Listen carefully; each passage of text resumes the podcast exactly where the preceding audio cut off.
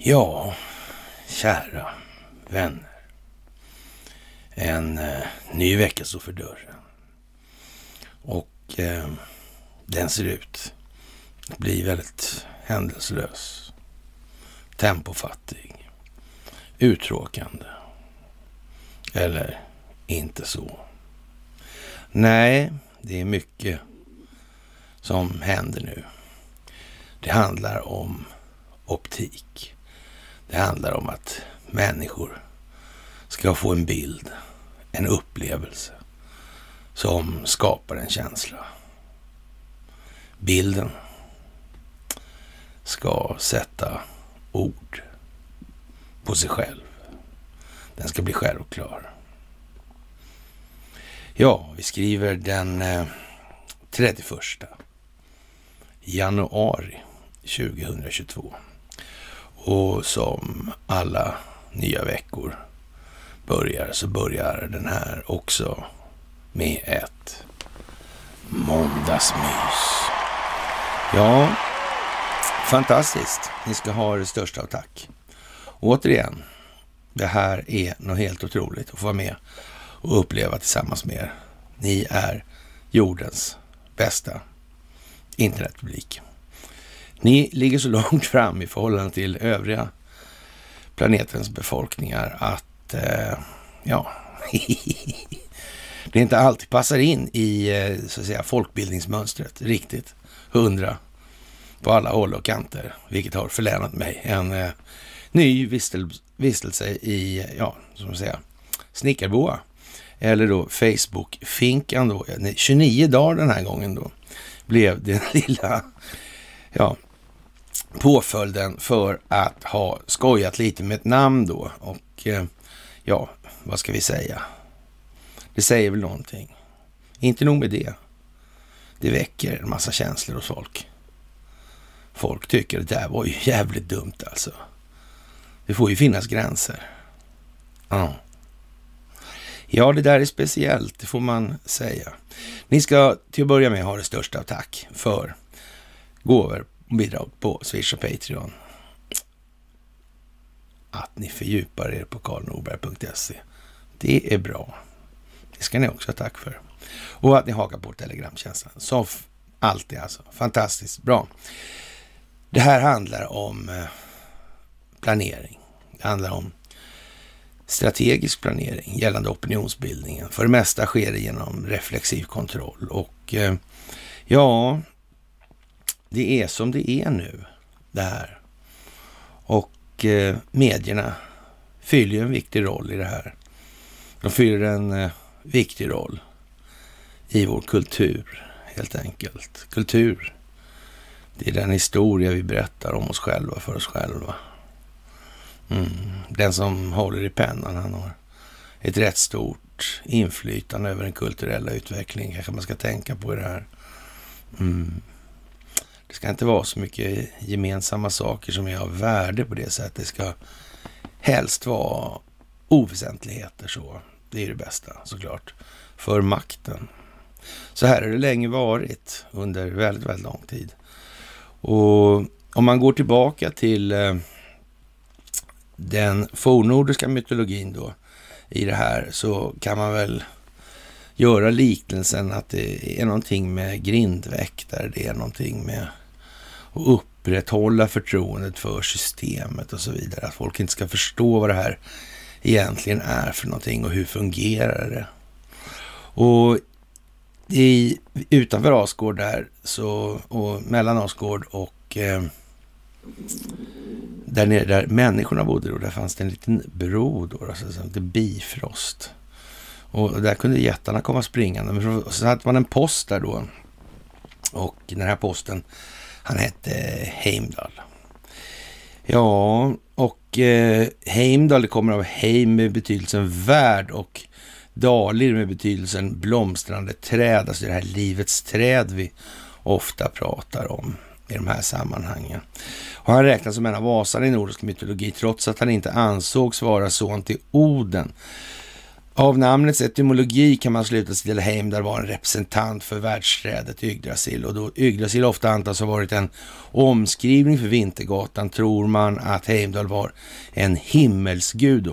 Gudomligheter med liknande karaktäristiska drag finns även hos samer, samojeder, tunguser och eskimåer. Hans namn förekommer dock knappt i den ja, norröna kulten, men desto rikligare i nordisk mytologi. Alltså Heimdall sägs vara son till nio mödrar som antas representera de nio världarna i den nordiska kosmologin. Då. Enligt en annan teori ska han ha fötts ur havet och då är de nio mödrarna havsjätten Ägirs döttrar, vågorna. Förklädd till eh, rik Rig blev Heimdall också upphov till de tre samhällsklasserna. Genom honom återspeglas sålunda den kosmiska ordningen i den världsliga.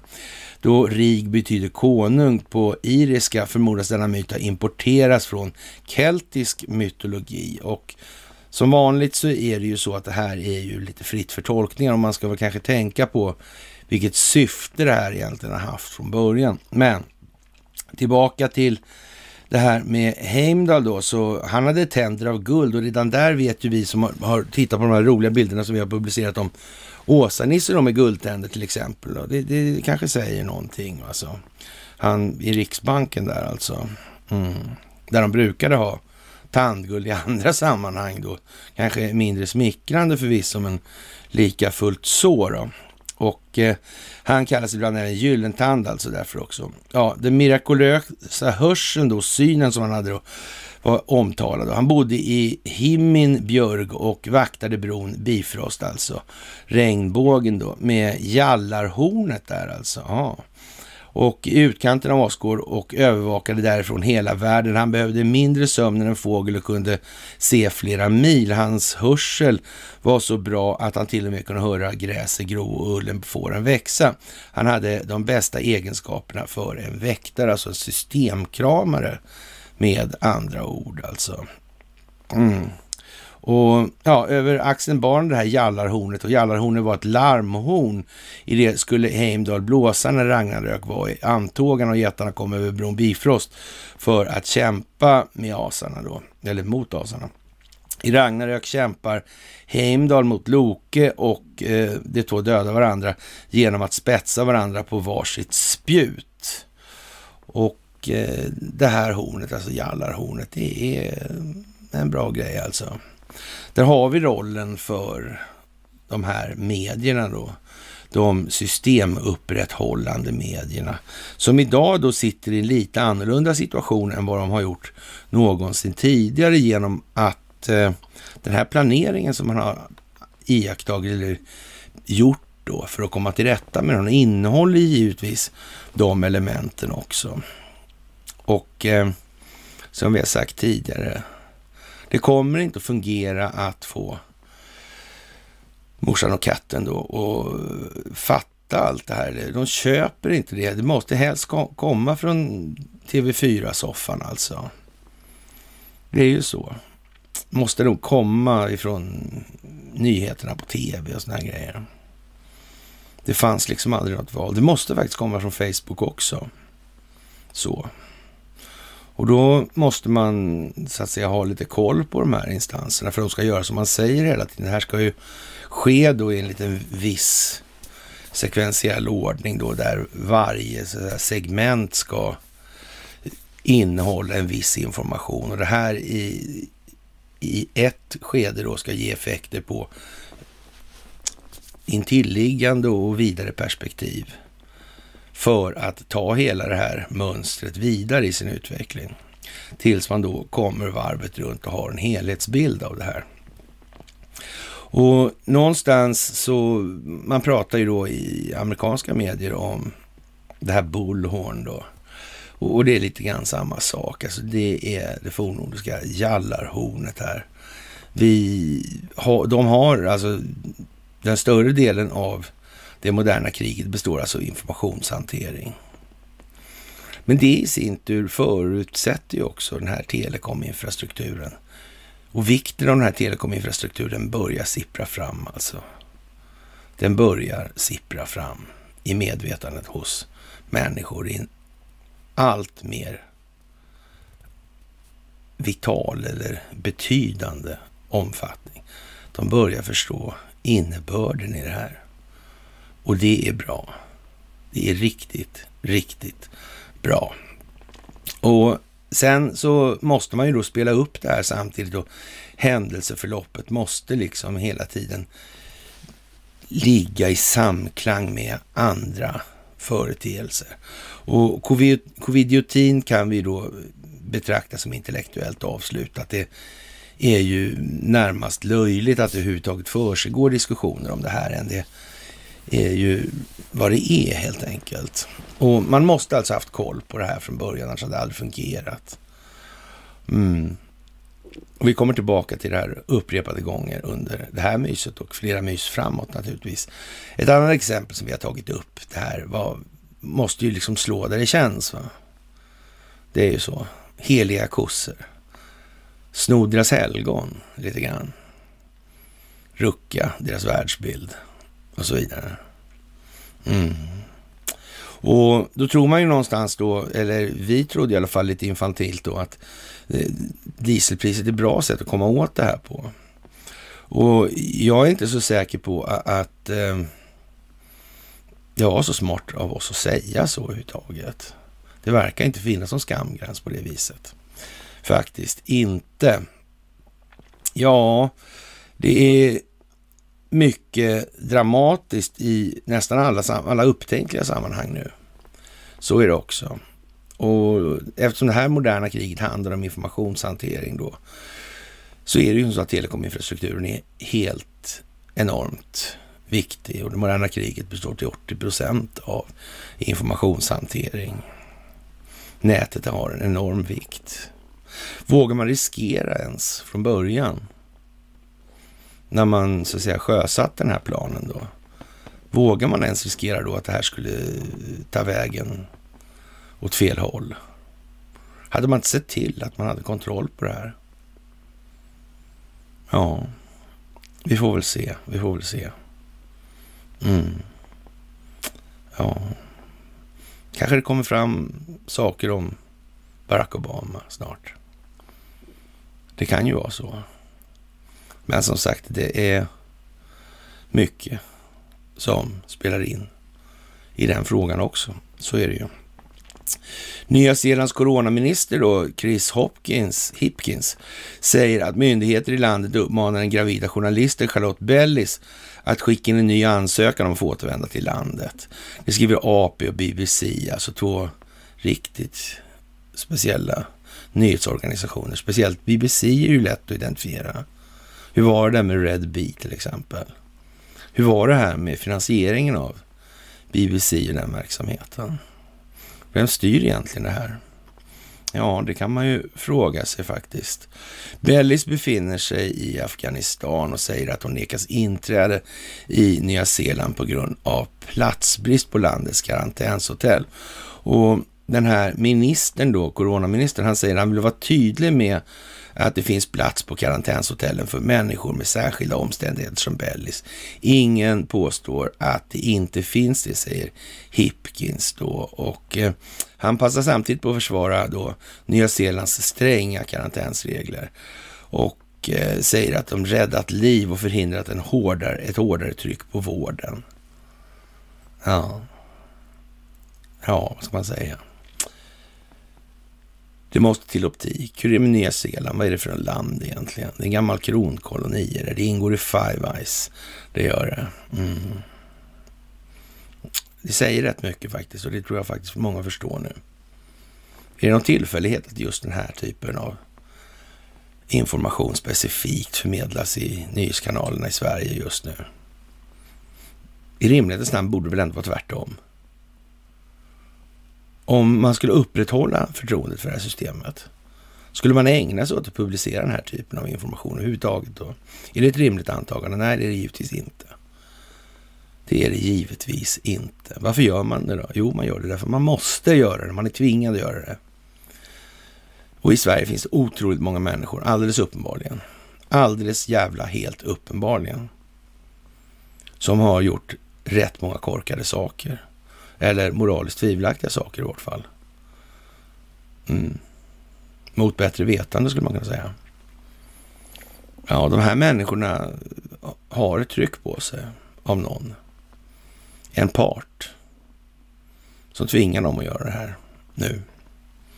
Det går inte på något annat vis. Det går inte på något annat vis. Nej, de har inget val helt enkelt. Och eh, som sagt, det här går ut på att spräcka Five Eyes. Det går ut på att spräcka NATO. Det går ut på att spräcka EU. Det går ut på att spräcka det brittiska samväldet. Och det går ut på att göra sig av med monarkin och därigenom få bort offshorebankerna och de möjligheter som erbjuds genom dem då att hålla undan medel. Därför att de här ligger under den brittiska kronans jurisdiktion. Den brittiska kronan, familjen Windsor, tidigare familjen coburg Mm.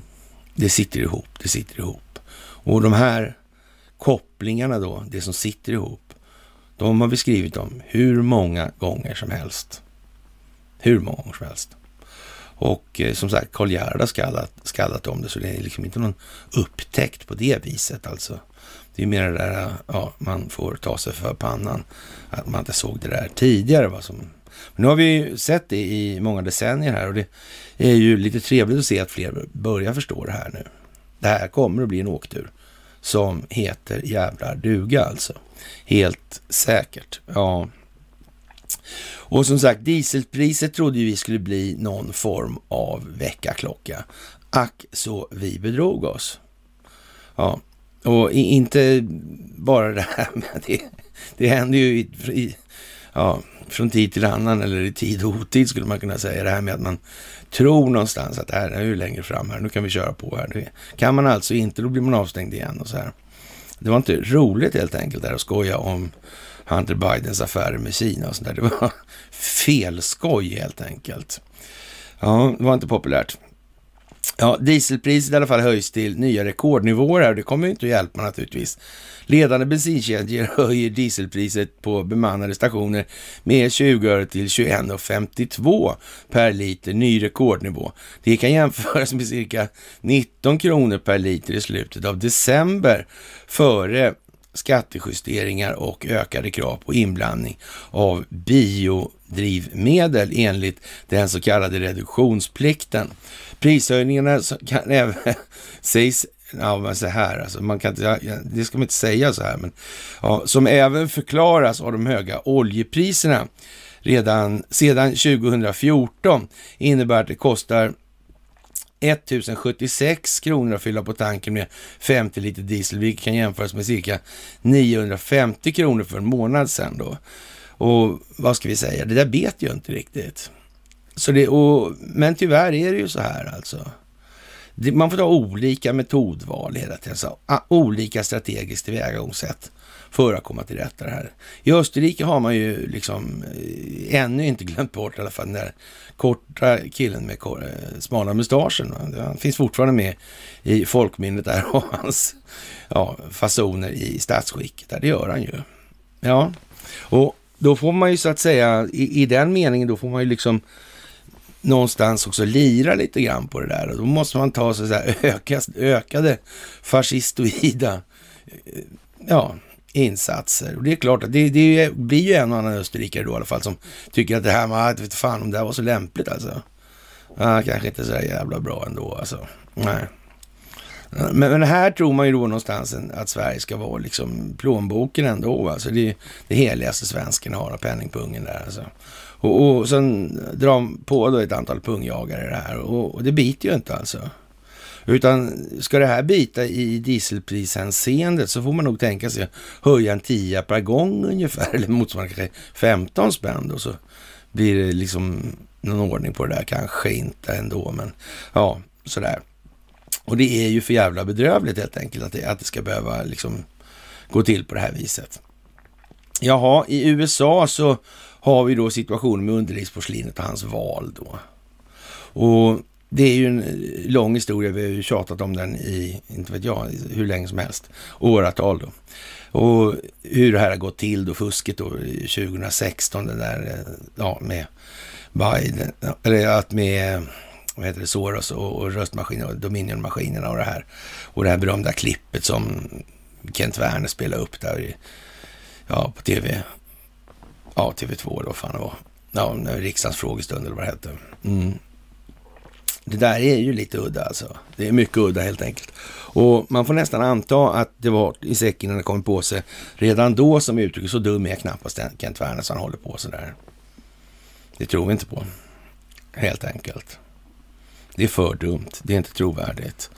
Och eh, ja, när det gäller underlivsporslinet och valfusket så blir det ju bara värre. Hela tiden. Och i bakändan på det här, då kommer ju naturligtvis det här med finansieringen av familjen Biden. Det kryper fram att de fått 30, 31 miljoner dollar då av det personer anknutna till det kinesiska kommunistiska partiet. Och då måste man också precis ha sagt hela tiden att man måste göra en skillnad. Det är alltså inte geografiska, den geografiska ytan som länder betraktat alltså. Det är inte det som är frågan. Det här handlar ju om de entiteter som verkar inom ramen för sina enskilda nyttomaximeringsintressen på de här ländernas bekostnad hela tiden. Som skriver de här olika avtalen med olika länder då, som i sig innebär att de här länderna blir aldrig av med de här entiteterna sen. Det är jättesvårt. Men där har man alltså från Kinas håll och Huawei har kommit på ett bra sätt att hantera det här på som vi kommer tillbaka till. Och eh, ja, man i Amerika då så gör ju då underlivsporslinet som med ganska god sannolikhet är, är då så att säga, först, han förstår faktiskt vad han gör och det, det, det är föga trovärdigt för man hittar då Hunter Bidens laptop, där laptop from hell fick den jättenamnet direkt där det slog upp så sådär. Mm. det var ju konstigt det där alltså. Det var ju konstigt.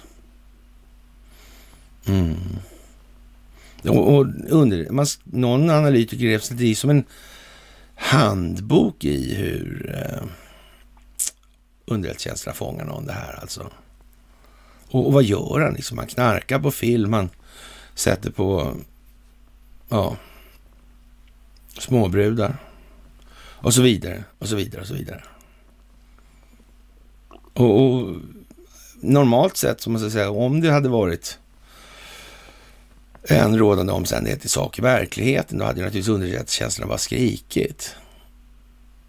Nej, man kan inte ha en vicepresidents son som håller på så och gör sig själv till offer eller möjligt offer för utpressning. Det går ju inte. Hur kommer det sig att det ändå blir så då? Hur, hur kan det ens komma sig så? Ja, hur kan det vara möjligt? Det kan man ju faktiskt fundera lite på tycker jag. Ja, och eh, Biden valde ju Harris som sin vicepresident på grund av hudfärgen och könet och inte kvalifikationerna. Hon hade, ja, hon är ju en katastrof då och ja, nu lovar han att välja högsta domstolens nominerade då, eller en, en nominerad till högsta domstolen på samma kriterier då.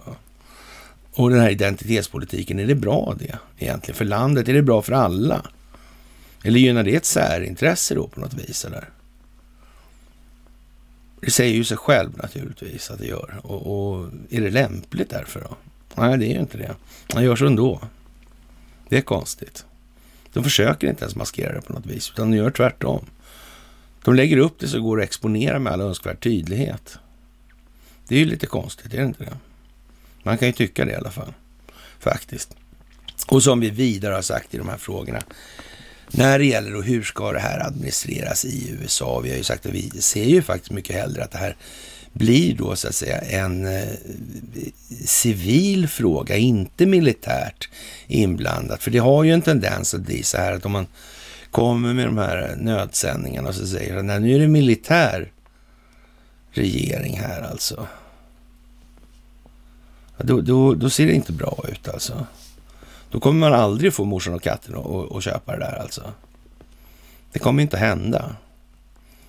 Hon kommer ju bara skrika liksom att nej, fan. Nu är, nej, inte riktigt så illa är det väl inte just med den morsan, utan det är katten envis alltså. Och det är ändå ingen kosmoskatt alltså. Ja, ni förstår. Det där är ju speciellt så det räcker alltså. Och sen har vi det här Sassman-fönstret, alltså, och kanske till och med det här Sassman-fönstret som strategisk metod. Man öppnar för någonting. Och, och, och motståndarsidan, alltså den djupa staten, de eh, tycker att det där är ju ganska bra. Det, här, det där var ju bra eh, ju. Ja, men så finns det en massa saker som man inte har tagit upp, man har inte talat om. Som följer med där och de är så lagom bra. De är helt enkelt jävligt värdelösa. Vi har till exempel exemplet då med, med hur reagerar den svenska folket när då Huawei stämmer den svenska staten här? Och hur kan det bli svenska staten som blir motpart då? Eller svarande i det här? Ja, det är i alla fall på något vis så att man har fattat det här beslutet grundat på vad då Skräp och säger för någonting i, i saken. Mm. Och säga att det är låt gå för 30-40 miljarder spänn. Och svenska folket skriker ju rakt ut bara, vad fan, det kommer ju hamna i knät på skattebetalarna. Automatiskt. Då. Men det räcker inte att tänka så kort. Snävt och enkelt. Man måste tänka till lite till här. Och så talar man om att det här är ju någon form av ja, liberalist-noja liksom och så. Det man inte säger är att det finns ju faktiskt globala företag som håller sig med just den typen av avtal som gör att man inte kan sparka ut dem i länder. Så skulle den svenska staten vinna det här, vilket man med all rimlighet kommer göra. Och det kommer gå fort. Ja. Då, det kan ju bli så illa till exempel att man har ingen grund för det här. Och det är ju ett prejudikat som inte alla kommer garva åt på Arsenalsgatan 8C. Som är förstås införstådda med det här, såklart. Och har varit väldigt länge. Det är ju bara så. Och då, då öppnas det en dörr. Eller rättare sagt, ett Sassman-fönster. Fast det är nog inte, det är nog hela väggsidan som fälls ut då. Då finns det 184 länder med Ericsson i, som har sådana där avtal. Och det finns 184 länder som kan hävda, grundat på vad deras underrättelsetjänster tycker. Och det har man vidtagit mått och steg för att förändra. Det är därför man hade det här memorandum, memorandum of understanding gällande ett rent internet som Mike Pompeo åkte runt med. 154 skriver på. Mm. Det är ju lite speciellt. Det är så man spelar det här. Hela tiden. Om och om igen. Ja, och eh, underlivsporslinet, han har ju alla problem som går att tänka sig nu i sitt residentskap. Och det är ju märkligt ändå, är det inte det? Det, det verkar lite för konstigt egentligen. Det gör det ju faktiskt.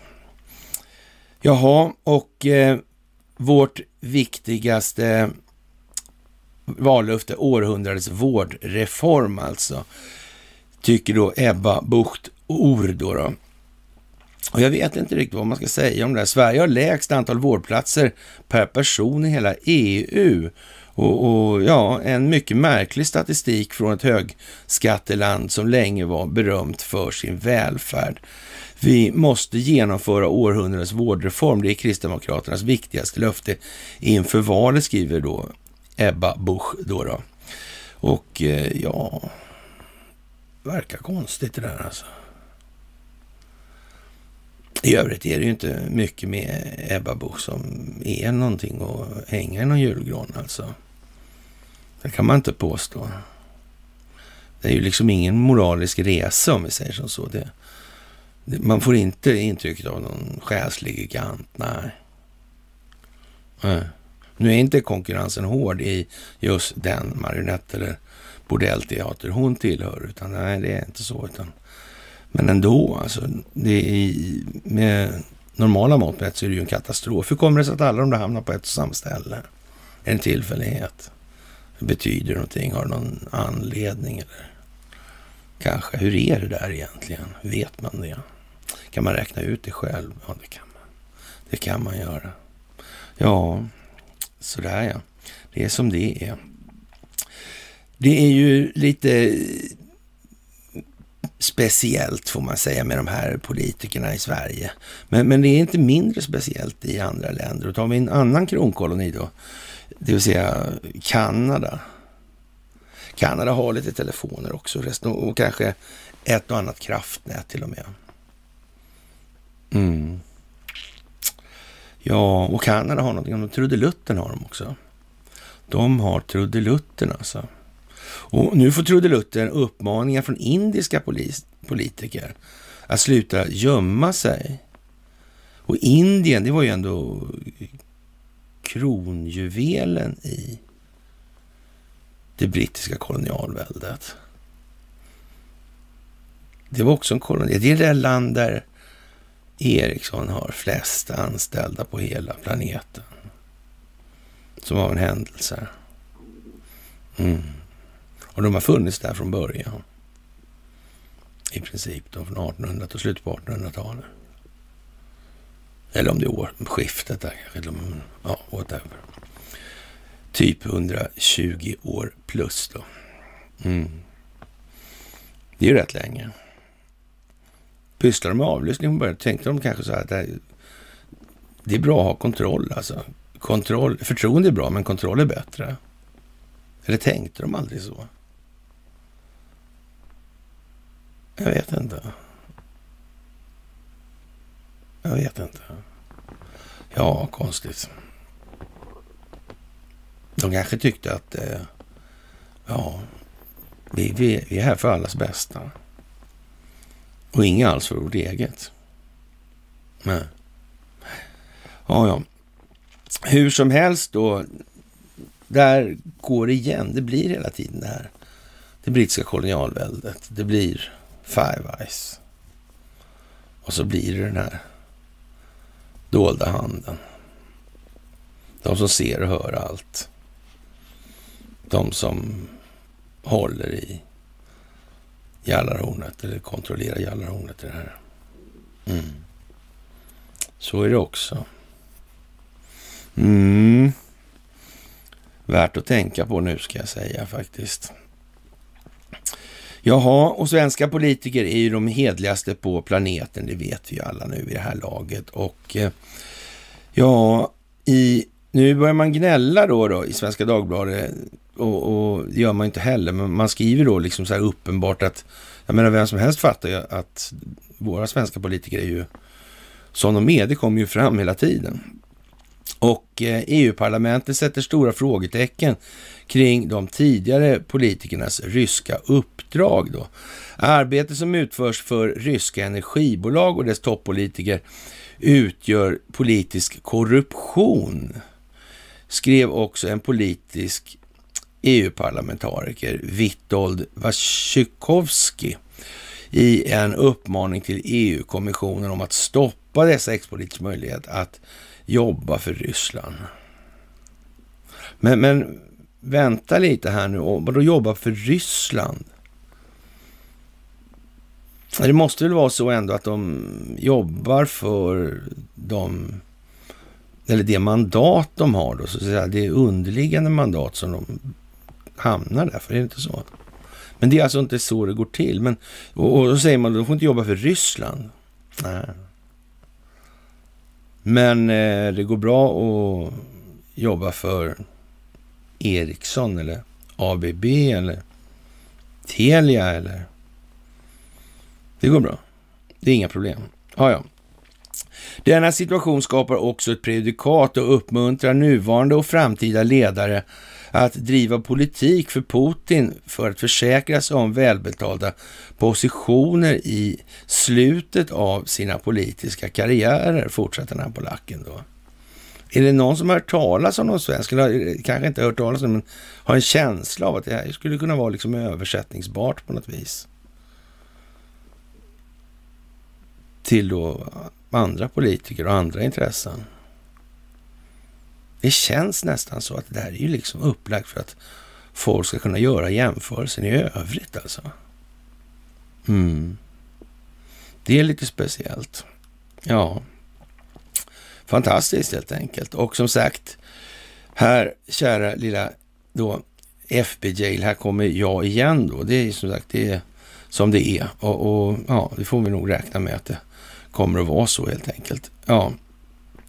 Mm. Man, man får nästan intrycket av att eh, det är mycket som man vill visa nu på kort tid och det är nödvändigt. Och i den här tiden vi befinner oss nu så kommer det naturligtvis att närmast explodera med information som kommer i det här. Och för att koppla tillbaka till det här med valet där, det är naturligtvis bättre om det här kan gå i och under ordnade former genom avcertifiering och så vidare. Och att inte ekonomin havererar i ett slag alltså. För då blir det kaos alltså, det är helt säkert. Det är helt säkert och det är ingen bekänt av faktiskt. Och ja, vad kan vi säga att eh, det är mycket som spelar in i det här. Och det här med högsta domstolarna till exempel, den svenska och den amerikanska som går parallellt över tider. Ja, lite annan ordning, de har en annan konstitution. Och de har en maktdelningsprincip, det har ju inte vi här i Sverige. I de här små checka, eller den här lilla checka ja, kronmonarkin eller penningmonarkin. Här har vi då någonting som heter folksuveränitetsprincipen. Snacka om jävla nonsens. Mm. ja, det är som det är. Och eh, vad ska man säga? Det, det, ja, det är bara att konstatera det. Att det, det handlar om det svenska rättssystemet i väldigt stor del i det här. Och det är ett problem som inte resten av omvärlden har. Faktiskt. De har en grundläggande konstitution som faktiskt går att applicera i många delar. Vi har inte det. Vi är lite utanför i den meningen. Och varför är vi det då? Jo, vi har någonting som inte de har. De har alltså säga, ett annat läge helt enkelt. Och vi har ju en, en, ett globalistintresse, en sfär, en struktur, en, ja, ett kluster som exploaterar hela planeten. Det finns inga andra länder som har då per capita som vi har det. Och ändå så har vi lägsta antalet, lägsta antalet vårdplatser per capita i EU. Vem är det som tar alla pengarna? Vem är det? Ja, men de har ju vårdbolag och grejer. Ja, det har de ju också. Så, så de har ingen sämre vård. Nej, nej. Ja, ja, men det kanske inte spelar någon roll. Vad vet jag? Vad vet jag? Som sagt, och eh, ja, det här upplysningsarbetet som vi håller på med.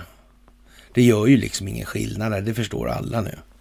De här mysen kommer ändå. Kommer de inte här så kommer de komma någon annanstans och så vidare. Och det är ett eh, så starkt ja, eller så stark fogmassa i den här rörelsen nu så det går liksom inte att göra någonting åt för den djupa staten. Och det är ju, märker ju folk nu. Det här rullar ju bara på i alla fall. Det spelar liksom ingen roll helt enkelt. Det är som det är nu och det är fantastiskt. Det är fantastiskt. Ja, det är det. Och eh, PCR-testerna kostar staten över 22 miljarder kronor. Och med avseende på då att de här eh, testerna inte kan skilja mellan covid, influensa och whatever liksom. inte det konstigt? Och sen var det ju den här liraren här, Gibson. Och kopplingarna till den här Treshkov, alltså som med det konstiga efternamnet där som någon Ericsson-chef det hade. Så det är konstigt. Det är ju märkligt. Det här. Ja, vi får väl se. Sådär. Jaha, NATO tycker då i så att säga, dödsskuggans dal nu att det är viktigt att vidta alla nödvändiga åtgärder för NATOs vidkommande. Och Jens Stoltenberg säger att NATO kommer att fortsätta att vidta alla nödvändiga åtgärder för att skydda och försvara alla allierade då, vilket innefattar en förstärkning av den östra delen av alliansen, skriver nyhetsbyrån Reuters då. Danmark ska till exempel skicka en fregatt till Östersjön fyra jaktplan till Litauen och Nederländerna har lovat att skicka två jaktplan till Bulgarien. Ja, och eh, vad ska vi säga? Ja, i vår då alltså, samt fartyg och trupper till NATOs snabbinsatsstyrka, rapporterar TT. Även Spanien, Frankrike och USA aviserar förstärkningar, medan Tyskland stoppat Estland från att skicka ja, tyskbyggda vapen till Ukraina och man kommer inte införa några sanktioner i, här, preventivt mot Ryssland då. Utan det är om man gör så att säga geografiskt intrång då. Mm. Vad kan det här vara? Det är inte ren opinionsbildningsteater eller nej? Det är något annat alltså. Ah, nu vet jag. Ja, ja. Det är införande av Klaus Schwabs, ja vad är det nu, New World Order, la la la, liksom och så vidare. Och det blir Great Reset. Okej. Okay. Mm. Alltså, om vi säger så här då. Hur fan blir den här resetten liksom? Vad är det som är problemet? Vad är det man ska resetta för något? Vad är problemet? Vi är nog ganska eniga om, både vi som tycker att djupa, den djupa staten är en ganska dålig grej och de som tycker att det är en bra grej. De tycker nog, vi tycker nog alla liksom att det, det verkar vara räntekostnaden som är ett problem. Faktiskt. Återkommande. Det, det kommer fram då. Och då undrar ju vän av ordning då, hur fan går det till då? Det beror ju på någon form av skuldsättning. De här skulderna verkar vara lite större än förr alltså. Sådär. Mm. Och bankerna gör historiskt höga vinster till historiskt låga räntenivåer och så vidare. Och, och, problemet med räntekostnaden blir ju inte mindre om man höjer räntan. Det blir större då alltså. Mm. Så är det också. Då. Ja. Vad handlar det om då? Det här. Det handlar om optiken. Det handlar om att människor ska förstå att det är så här det är. Det är inte så svårt faktiskt. Det är ganska lätt. Om man lägger manken till lite grann alltså. Och man kan ju lägga till när det gäller Stoltenbergs uttalande i de här grejerna Allvarligt talat alltså. En fregatt, sex jaktplan. De ska inte invadera Ryssland i alla fall, får man hoppas. Nej, jag tror inte det. Jag tror inte det, faktiskt. Det tror jag inte på. Utan det är tidningsgrejer hela tiden. Finns det här ens i verkligheten, är det tänkt? Behöver det finnas? Nej, för folk ser ju bara det de hör. Det är bilden de får. Och eh, därvidlag så får man nästan säga att det här börjar bli lite pinsamt. Det ska bara gå så här långt. Det är uppenbart nu. Det är det faktiskt. Men som sagt, i, eftersom det är den rådande ordningen så kan man också säga att då blir också mer av nöden tvunget att de här kanalerna, eller det här jallarhornet faktiskt kontrolleras. Eller the bullhorn då. Och det gäller alltså de här plattformarna också. På så vis.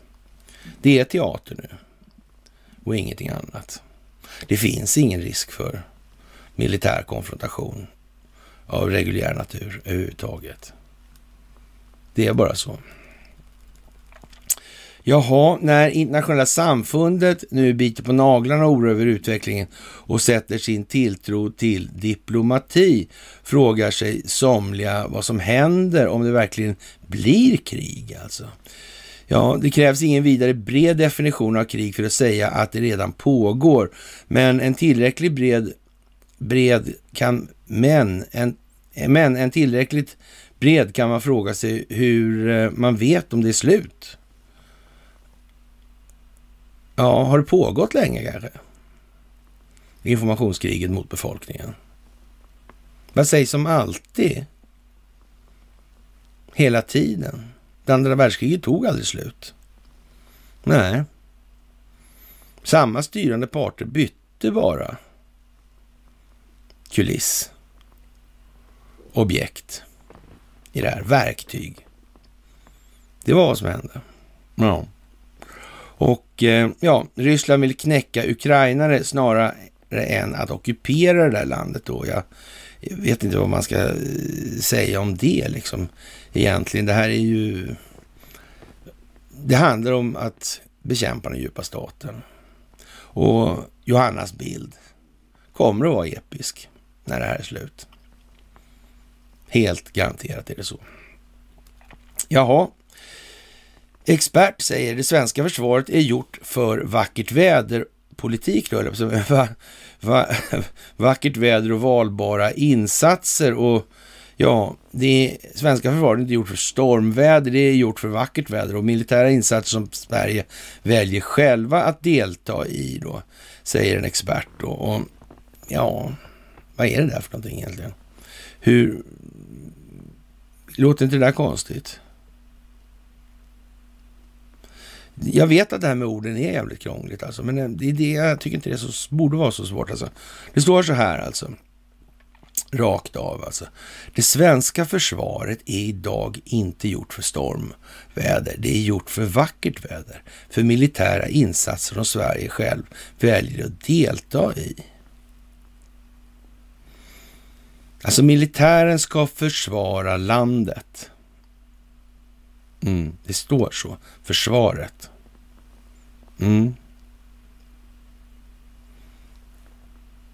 Och då undrar ju vän av ordning, hur försvarar Sverige sig egentligen genom att delta i muntrationerna kring Ukraina?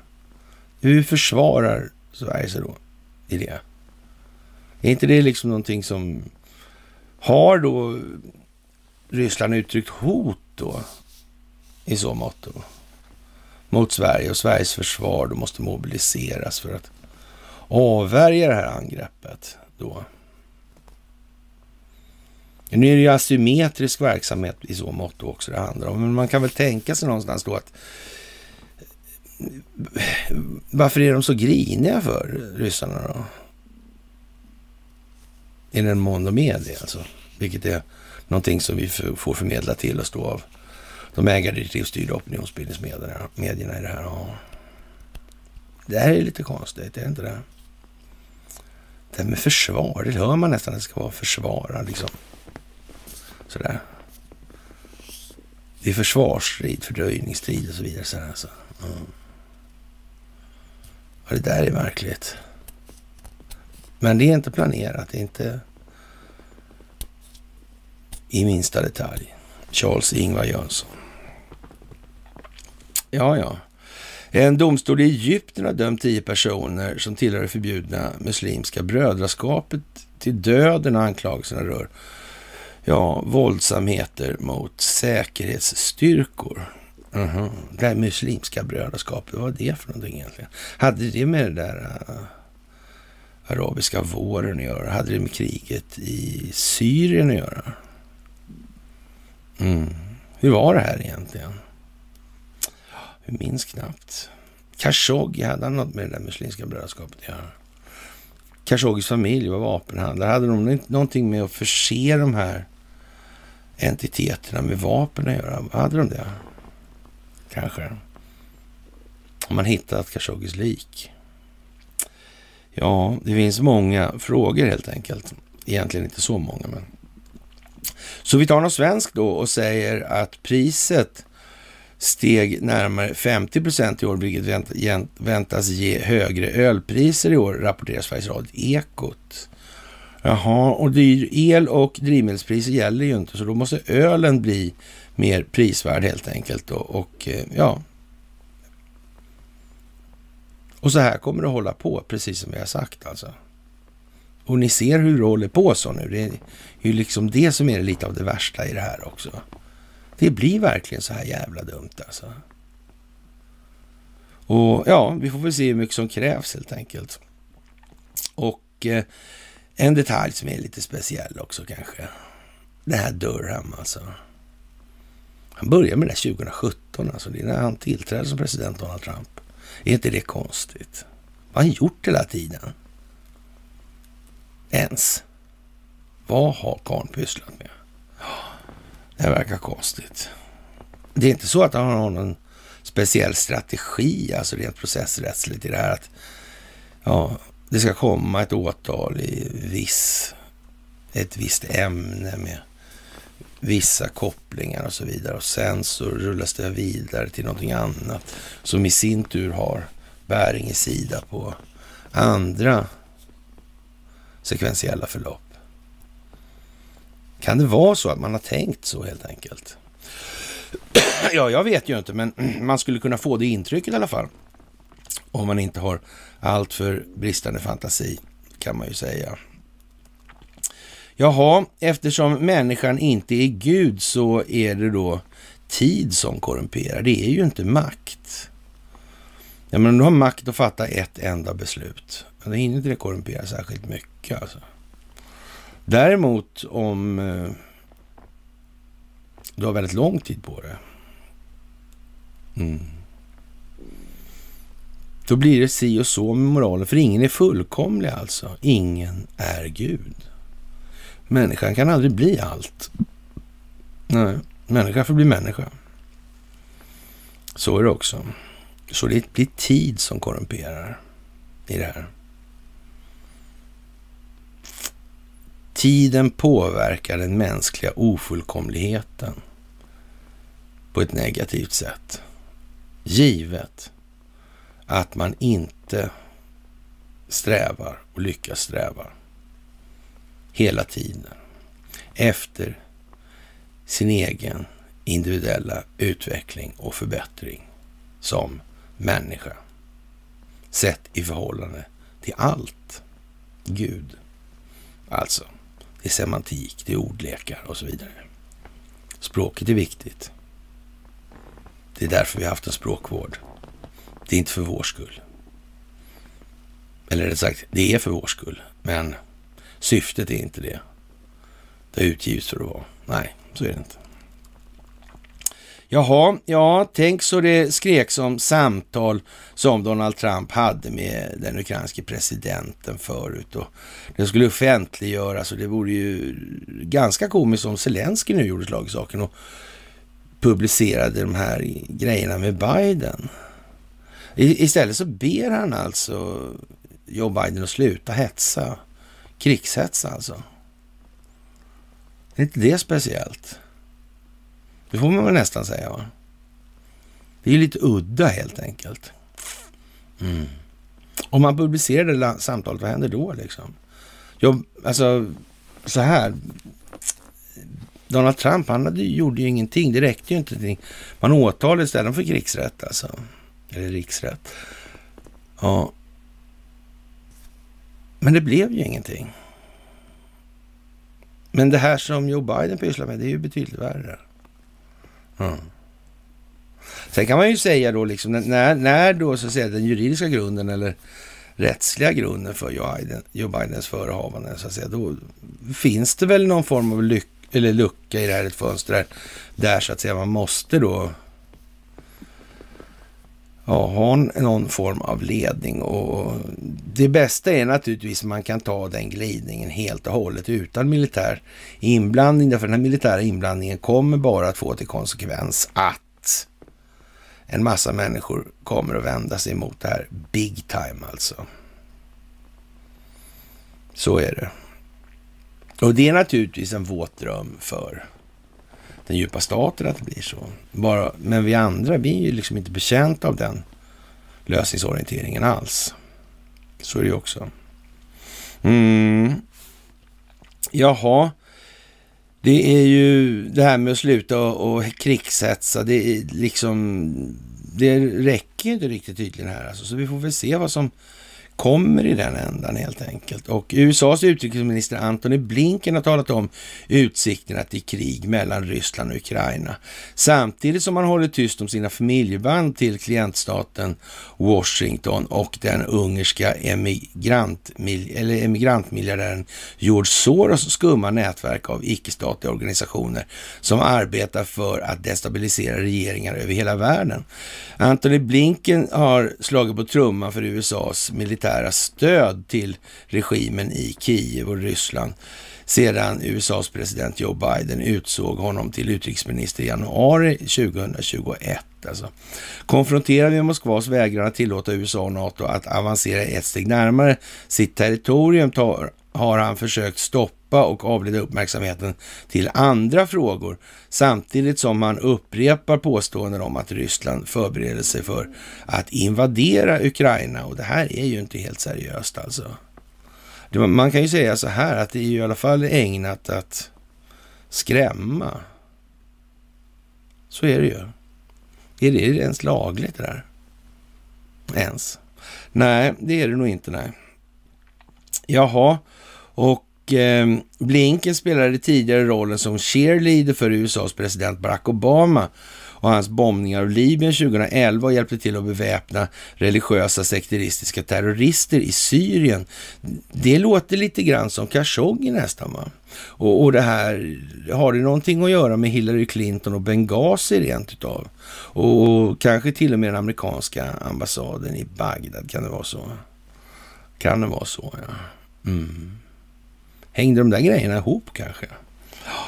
Vem vet, vem vet alltså. Ja, så stor är hans, stort är hans engagemang för nyliberalt geopolitik, geopolitiskt husdjursprojekt inom Europeiska unionen att han riskerar en spricka i den särskilda relationen mellan USA och Storbritannien genom att attackera Storbritanniens utträde ur blocket, alltså den tråkigaste dagen då i Jacob Wallenbergs liv helt enkelt. Mm. Det där är lite konstigt, är det inte det? Det kan man nästan tycka faktiskt. Eller inte alls kort, det är helt larvigt uppenbart sådär. Ja. Mindre välkända är dock hans personliga familjekopplingar till både Ukraina och Ungern tillsammans med det färgrevolutionära nätverket av icke-statliga organisationer som eh, av bankerna och den ungersk-amerikanska miljardären George Soros. Finns inte det där Open Society Global i något sammanhang som rör Sverige? Jag tror han heter Daniel Sachs, va? Mm, heter han. Han är gift med... Eller han är han inte alls det, men han är i alla fall bror till Fanny Wallenberg, gift med Marcus Wallenberg. Det kan man säga, det är inte skitlångt bort. Det är det inte. Mm. Och det där jävla Carlsberg också, på säga, men det sa jag inte. Men det jävla ölet också. Tänk om det finns svenskar som har varit på en massa ställen och sådana grejer. Mm. Tänk om de känner folk. Daniel Sachs känner garanterat folk, det gör han helt säkert. Han känner folk i Proventus och sånt där, det gör han. Mm. Lite Gotabank i luften kanske. Mm. Inte? Jo, så är det. Så är det. Mm. Det gick högt upp i topp det här direkt tror jag, va? För länge sedan. Många ångrar sig nog nu. Det var dumt gjort det där. Men tro mig. Det är många som har upptäckt det. Många. Ja, ja, ja, ja, se där, ja, se där. Det är lite speciellt, ja. Blinkens farfars far var en Meir Blinken, en judisk-ukrainsk invandrare till USA då, som blev en produktiv författare och skrev främst på jiddisch då. Den äldre Blinken föddes i Perejaslav, staden där kosackerna i det ukrainska hetmanantatet Eh, öster om Polens eh, floden, eller, ja, floden Dnieper röstade 1654 för att bli en biflod till Moskva. Det där är ju lite undligt alltså. 1654 var, låter det nära 1648, det låter liksom lite efter Westfaliska freden kanske. Och, och den här syndafloden kanske, eller nej? Eh, eller hur är det där egentligen? Ja.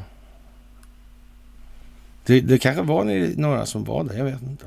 Eller, ja.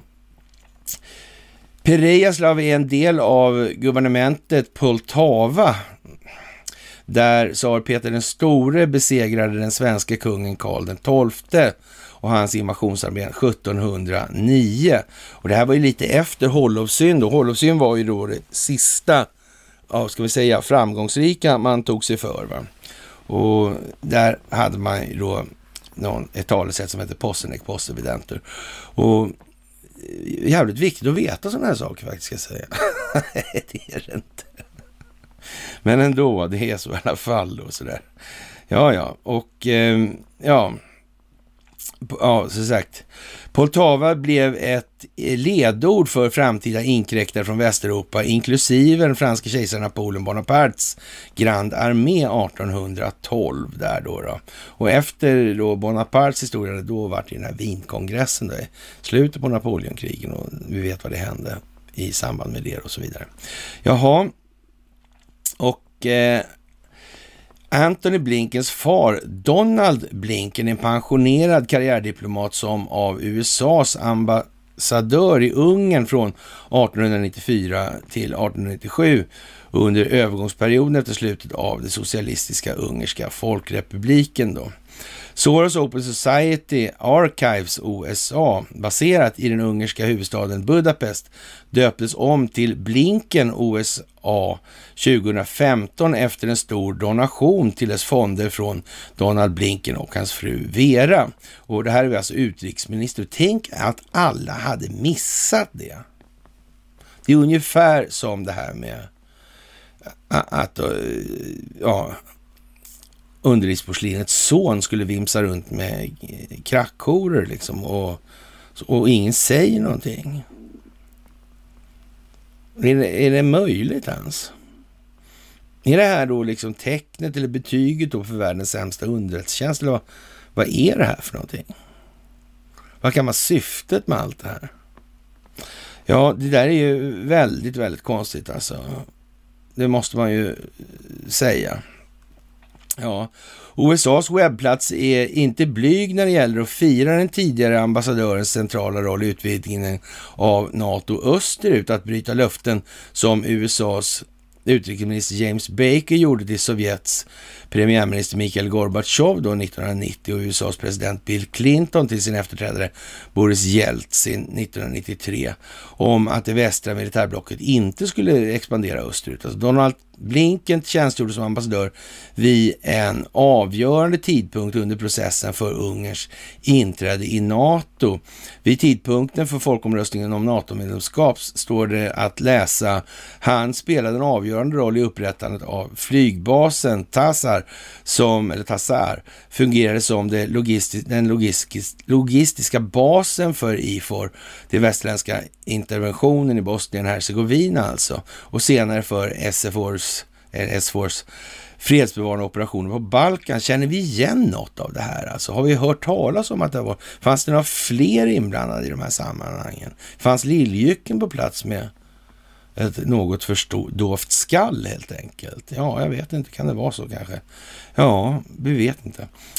Eller så vet vi visst det, och det vet all, jättemånga. För sin upprepade uppvärmning av spänningar med Moskva Eh, tilldelades utrikesministerns far Ungerns högsta civila utmärkelse och Pentagons pris för framstående offentlig tjänst alltså.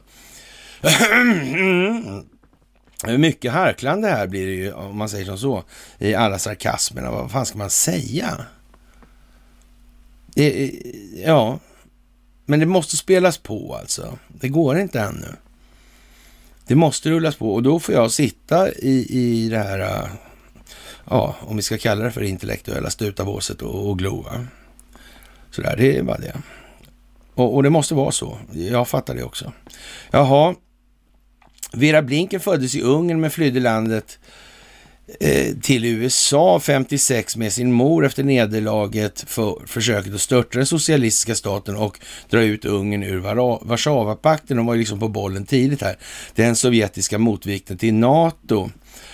Eh, USA är en flygel av Soros Open Society Foundation som finansierar NGO-grupper som enligt sin webbplats arbetar för att främja rättvisa, utbildning, folkhälsa och oberoende media runt om i världen. Och jag vet inte vad man ska säga om det där. Är det liksom, inte bara säga håll käften liksom. Det är ingen som tror på den jävla skiten längre. Och, och, det är klart att e-, eftersom man inte lägger ner Expo och AFA här i Sverige så det är helt enkelt inte tillåtet. De har ett sämre alternativ att vänta på. Om de skulle göra det och försöka komma undan något. Så det är inte, de ska vara med och spela det här helt enkelt. Det ska spelas i den här teatern tills dess att folkbildningen anses vara tillräcklig. Det är så. Jaha, och eh, Ja, bland de första förvärvet var arkivet för den Washington-finansierade anti-öststatskanalen kanalen då, Radio Free Europe, nu Radio Liberty. Andra artefakter inkluderar politiskt material från subversiva organisationer i socialistiska stater. Den innehåller också personliga papper från mängder för före detta ungerska antikommunistiska oppositionsledare och exilmänniskor då, inklusive Bella Kirali och och eh, ja, Kirali var en general i armén till, för den ungerska fascistiska regeringen och från andra världskriget som stred på östfronten och fick senare en fristad i USA under, de kalla, under det kalla kriget. Och ja, finns Eriksson i Ungern? Alltså, jag skojar bara. Det gör de, ja. Jaha. Soros har anklagats av några för att ha varit eh, bakom kuppen av Majdan Square 2014 i Ukraina genom ett stort nätverk av civilsamhällets grupper. Och ja, och hans så att säga, målsättning ja, påstås då ha varit att destabilisera Ryssland. Är det liksom det, harmonerar det liksom det synsättet med några andras? Inte? Någon? Ja, jag tror det. Faktiskt, jag tror det är så. Ja, och om vi tittar bakåt då. Över tid så här. Det där jävla hacket. Hur fan, hur kom det sig att eh, jag till exempel då började med det här uttrycket att Clinton Soros lojala liksom. Det var ju värdelöst uttryck från början. Det var ju skit. Sådär. Ja, men bortsett från det, alltså hur fan. Det var ju ett hack ju. Någon hackade och läckte. Vad fan var det som hackade så? Var det, var det FRA? Nu ska inte vi utesluta att det var FRA, men det var ju så att säga en annan, blir ju lite av en annan fråga om det var FRA. Mm, då var det, inte, det var inte så jävla frivilligt, så kan vi säga. I så fall. Det var det inte. Det där är ju konstigt. Är inte det? Udda. Ja. Och antal, vilka politiker som satt var var en lista på det också. Men fan var det, vem var det som tog sig in och tog det där för? Ja. Det är jättekonstigt, är det inte det? Eller är det kanske inte så konstigt? Just det här med Clinton Soros lojala.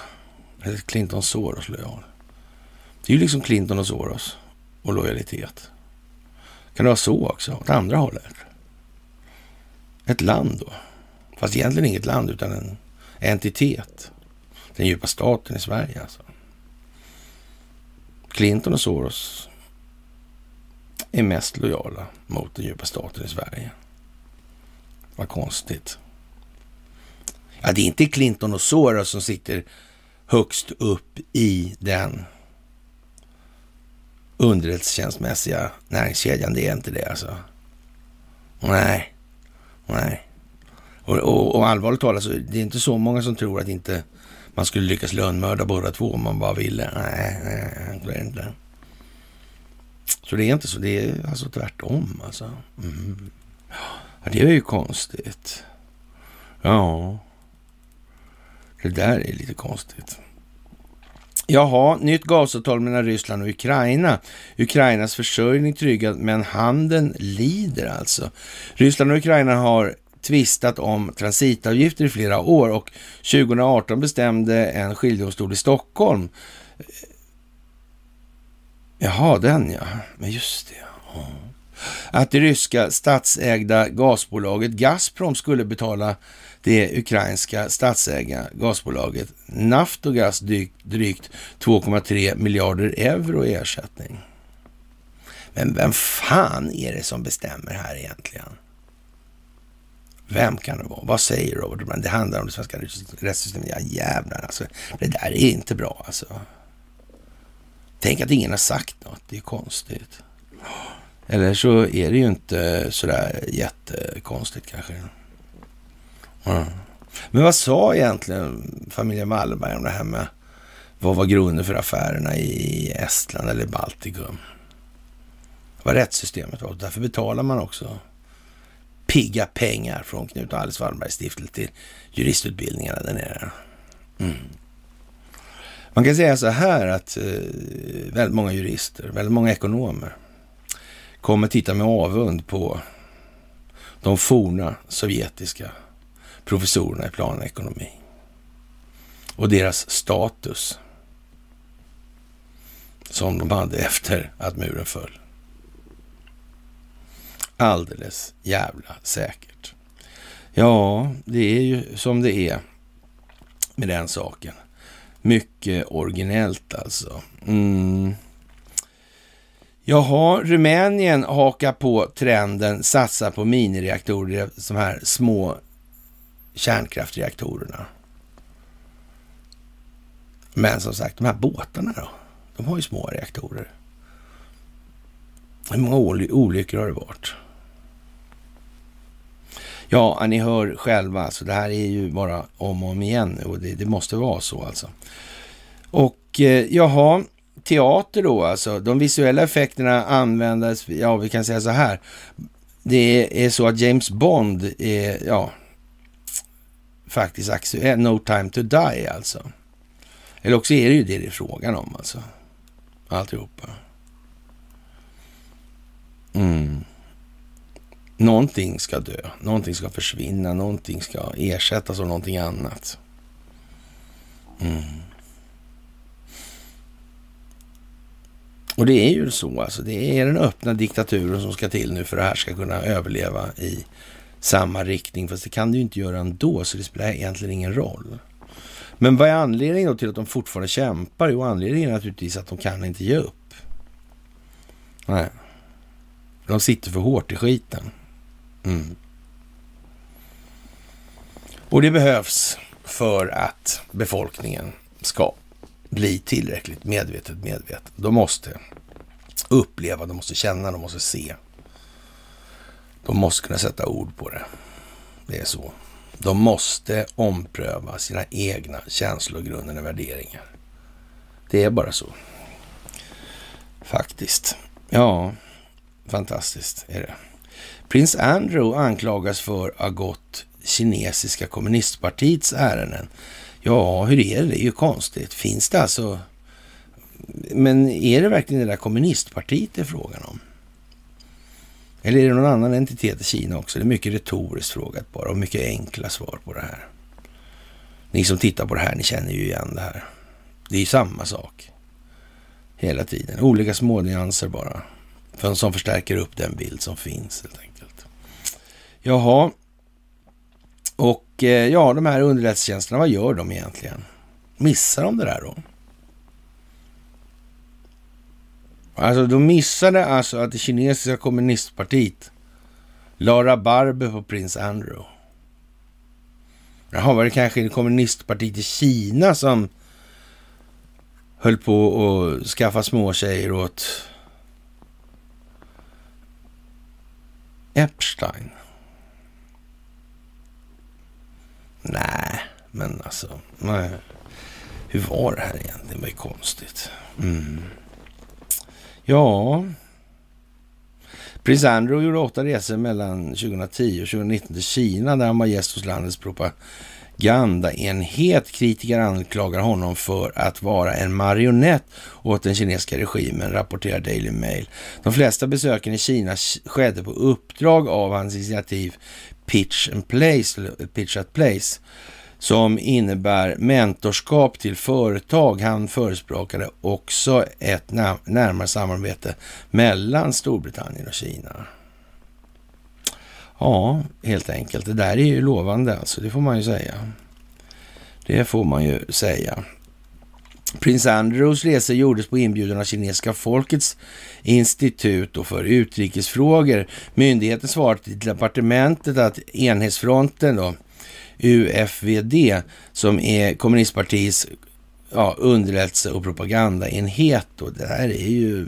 Men de egna underrättelsetjänsterna, MI6 då, MI5 och... Aha. nej. nej. Ja, ni hör ju själva här. Alltså vilken sida kan han möjligen ha spelat på i det här? Mm. Ja, och vad han har gjort för att tvingas att göra det, det kan man ju fråga sig.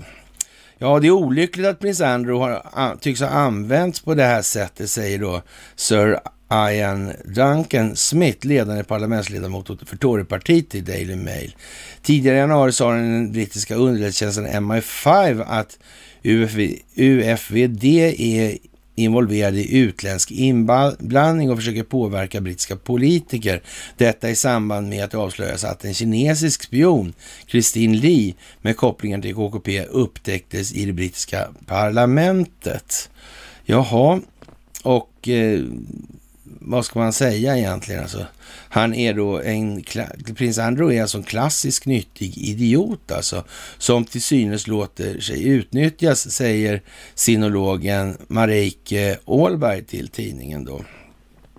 Och eh, hon har tillsammans med Clive Hamilton skrivit boken då Den dolda handen, som beskriver det kinesiska kommunistpartiets påverkansaktiviteter runt om i världen, inklusive Sverige. Mm. Ja, men här får man nog tänka till nu va? Man kan inte missa det här nu tror jag. Jag tror inte det. Faktiskt. Jaha.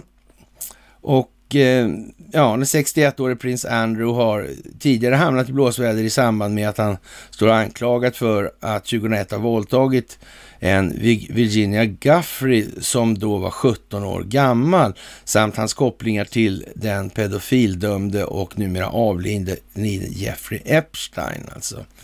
Och eh, ja, ja, som, ja, som en följd av den här rättsprocessen mot honom i Epstein-härvan då har han blivit av med alla militära titlar och privilegier då. Och de har återgått till drottningen. Mm. Vad är det här egentligen? Vilken sida spelar han på? Konstigt är det. Mm. Jaha. Jag vet, jag vet inte om... Det verkar i princip som att alla som överhuvudtaget har någon roll i det här också har ganska så mycket ja, halsband på sig, helt enkelt. Ja, det är ju som det är faktiskt. Och som sagt, den här läkaren som blir riskkapitalist, det blir ju lite löjligt faktiskt. Det är bara så. Och vi har ju en massa saker som hela tiden ramlar på nu. Och det kommer vara oerhört svårt för dem att komma undan. Det är inte möjligt alltså. Och eh, den Ryssland av den här Pushkov, Alex, Alexej Pushkov, han eh, i, i, tidigare då högt upp i den ryska statsförvaltningen. Finns det ens en teoretisk möjlighet att han inte känner till Investor? Han kanske till, känner till, till och med känner till Poltava.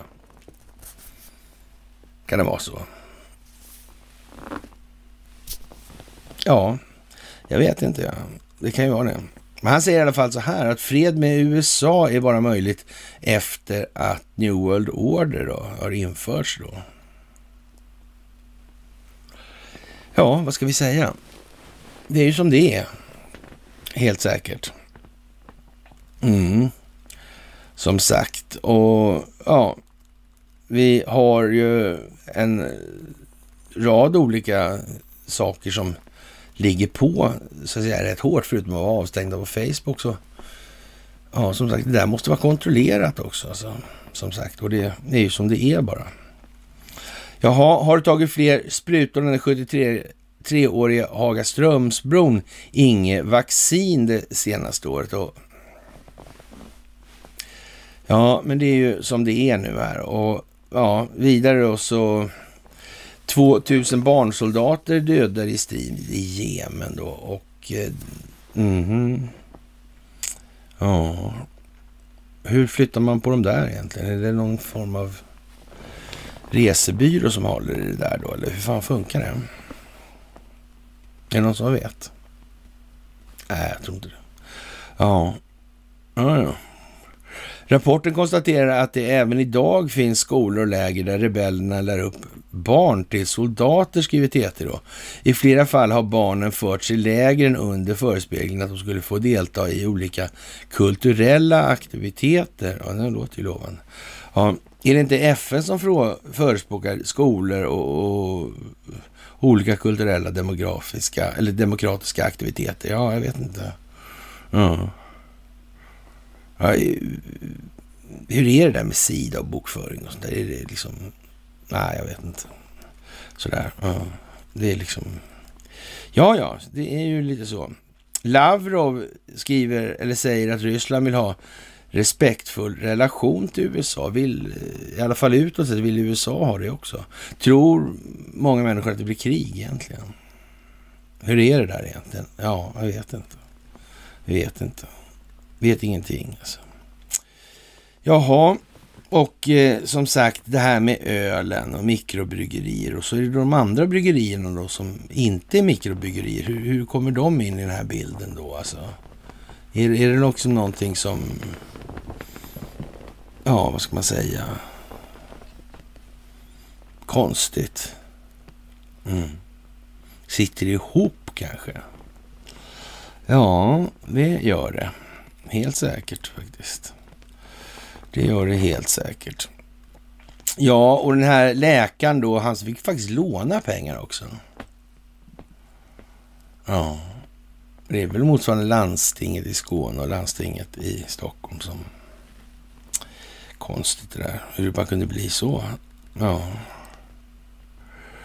Jaha, Houthi-rebellerna stänger ner då massa radiostationer i Jemen rapporterar AFP och enligt facket sker detta eftersom stationerna vägrar att sända rebellernas propaganda. Och Voice of Yemen är av, en av de kanaler som har tystnat och enligt ett journalistsyndikat stormade stationen i tisdags under före, Visning eller förespegling ska man snarare säga då, att den eh, saknade vissa tillstånd. Nej, jag vet inte. Det, det är ju som... Ni, ni, hör ju liksom. Det här är ju som det är helt enkelt. Ja. Och hur är det egentligen med Sverige? Hur är det med pennklubben och så vidare? Det är ju skrattretande alltihop det här. Det är patetiskt det vad det är. Faktiskt. Ja, sådär. Jaha. Och eh, det hade ju då igår så var det hårt väder, värre och ja, vad ska vi säga, hur det kom sig och varför och så vidare, det kan vi väl ja, låta vara osagt, men eh, det blev ju så i alla fall. Ja. Jaha, och eh, det är bäst om Ukraina blir neutrala, säger en ja, parlamentsledamot i Tyskland. Ja, jag vet inte. Whatever liksom. Det är ju som det är. Våra kära vikingar seglar vidare här och eh, den här filmsviten som är gjord om det här, det är fantastiskt bra alltså. Följ gärna de där klippen. Det är, det är bra för allmänbildningen faktiskt. Och eh, förvånas över hur lite Vikbolandet är med kanske. Nej, inte det nej. Nej, nej. ja, USAs tidigare president Donald Trump kommer att benåda personer som dömts för inblandning i den dödliga stormningen av Kapitolium den, om han ställer upp alltså och vinner presidentvalet 20, 2024. Det meddelade han under ett kampanjmöte i Texas på lördagskvällen amerikansk tid. Alltså. Vi kommer att behandla dem rättvist och eh, det kräver benådning, eller om det kräver eh, benådningar så kommer vi att benåda dem för de har behandlats så orättvist alltså. Mm. Ja, ja, då är det ju så också naturligtvis. Och då är det så.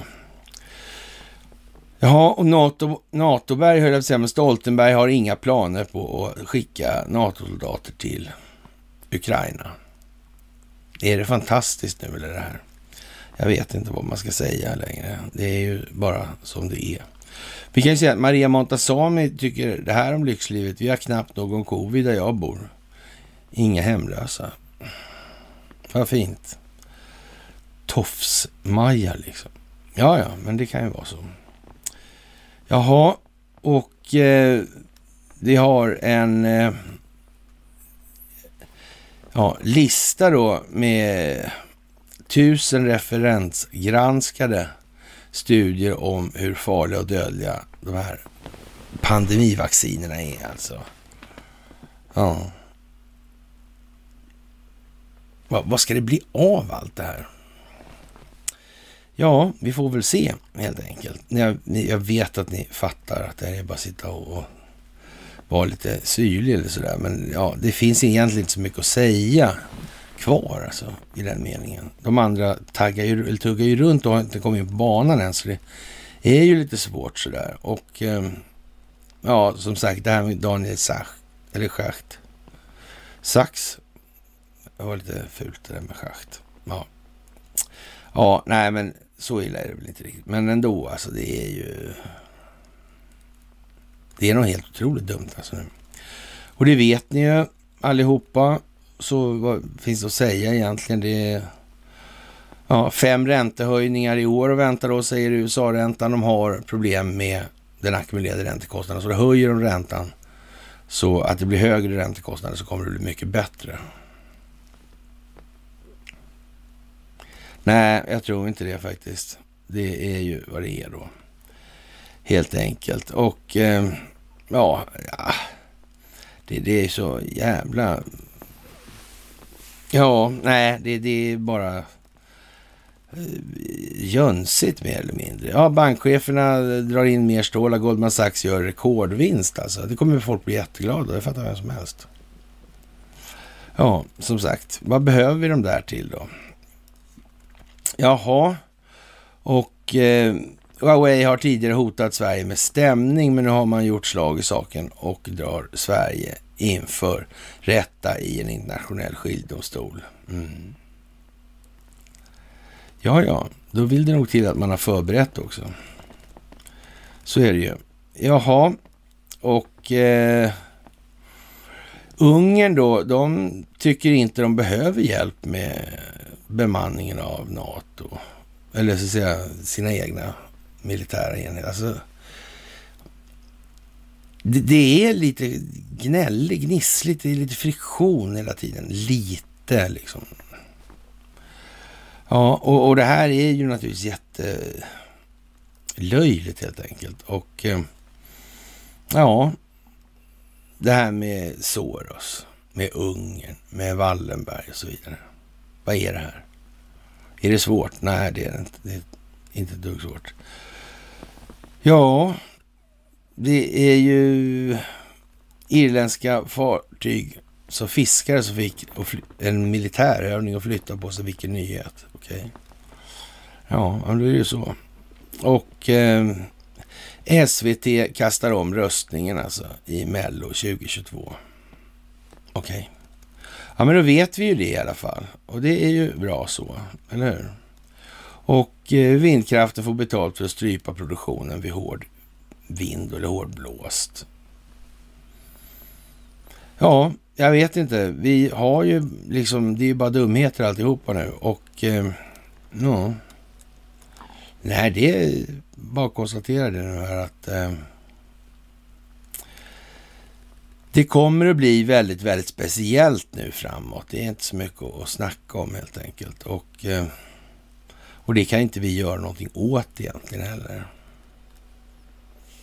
Det är människorna som måste förstå, ingen annan. Så är det bara. Ja. Jaha, och eh, de här kriserna då med, med Coronakommissionen och, och regeringskansliet. Vad är det här för någonting? Men det är inte riggat, det är inte planerat. Det är inte ett givet snitt av bortförklaringar hela tiden. Alltså det är ju så samma, vad fan ska man säga nu alltså i det här? Det går ju inte att missa. Det finns ju inte en nyhet, i alla fall inte som vi har plockat upp och det av förklarliga skäl givetvis. Och som sagt, tänk om den djupa staten då, ja, i Sverige då, då vinner. Ja, vad händer då med Ericsson? Då? Blir det bra det här där verkligen? Jag vet inte. Ja, faktiskt. Det är mycket oklart mm, vad det är.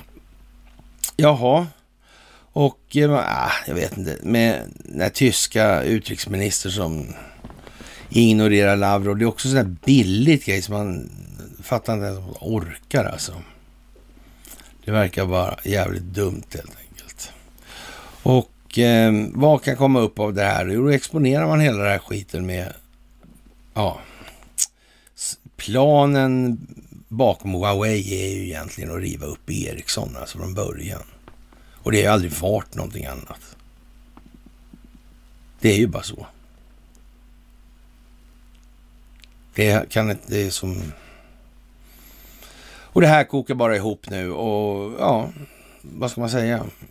De har gjort ett modus operandi på att avtala fast länder i det här.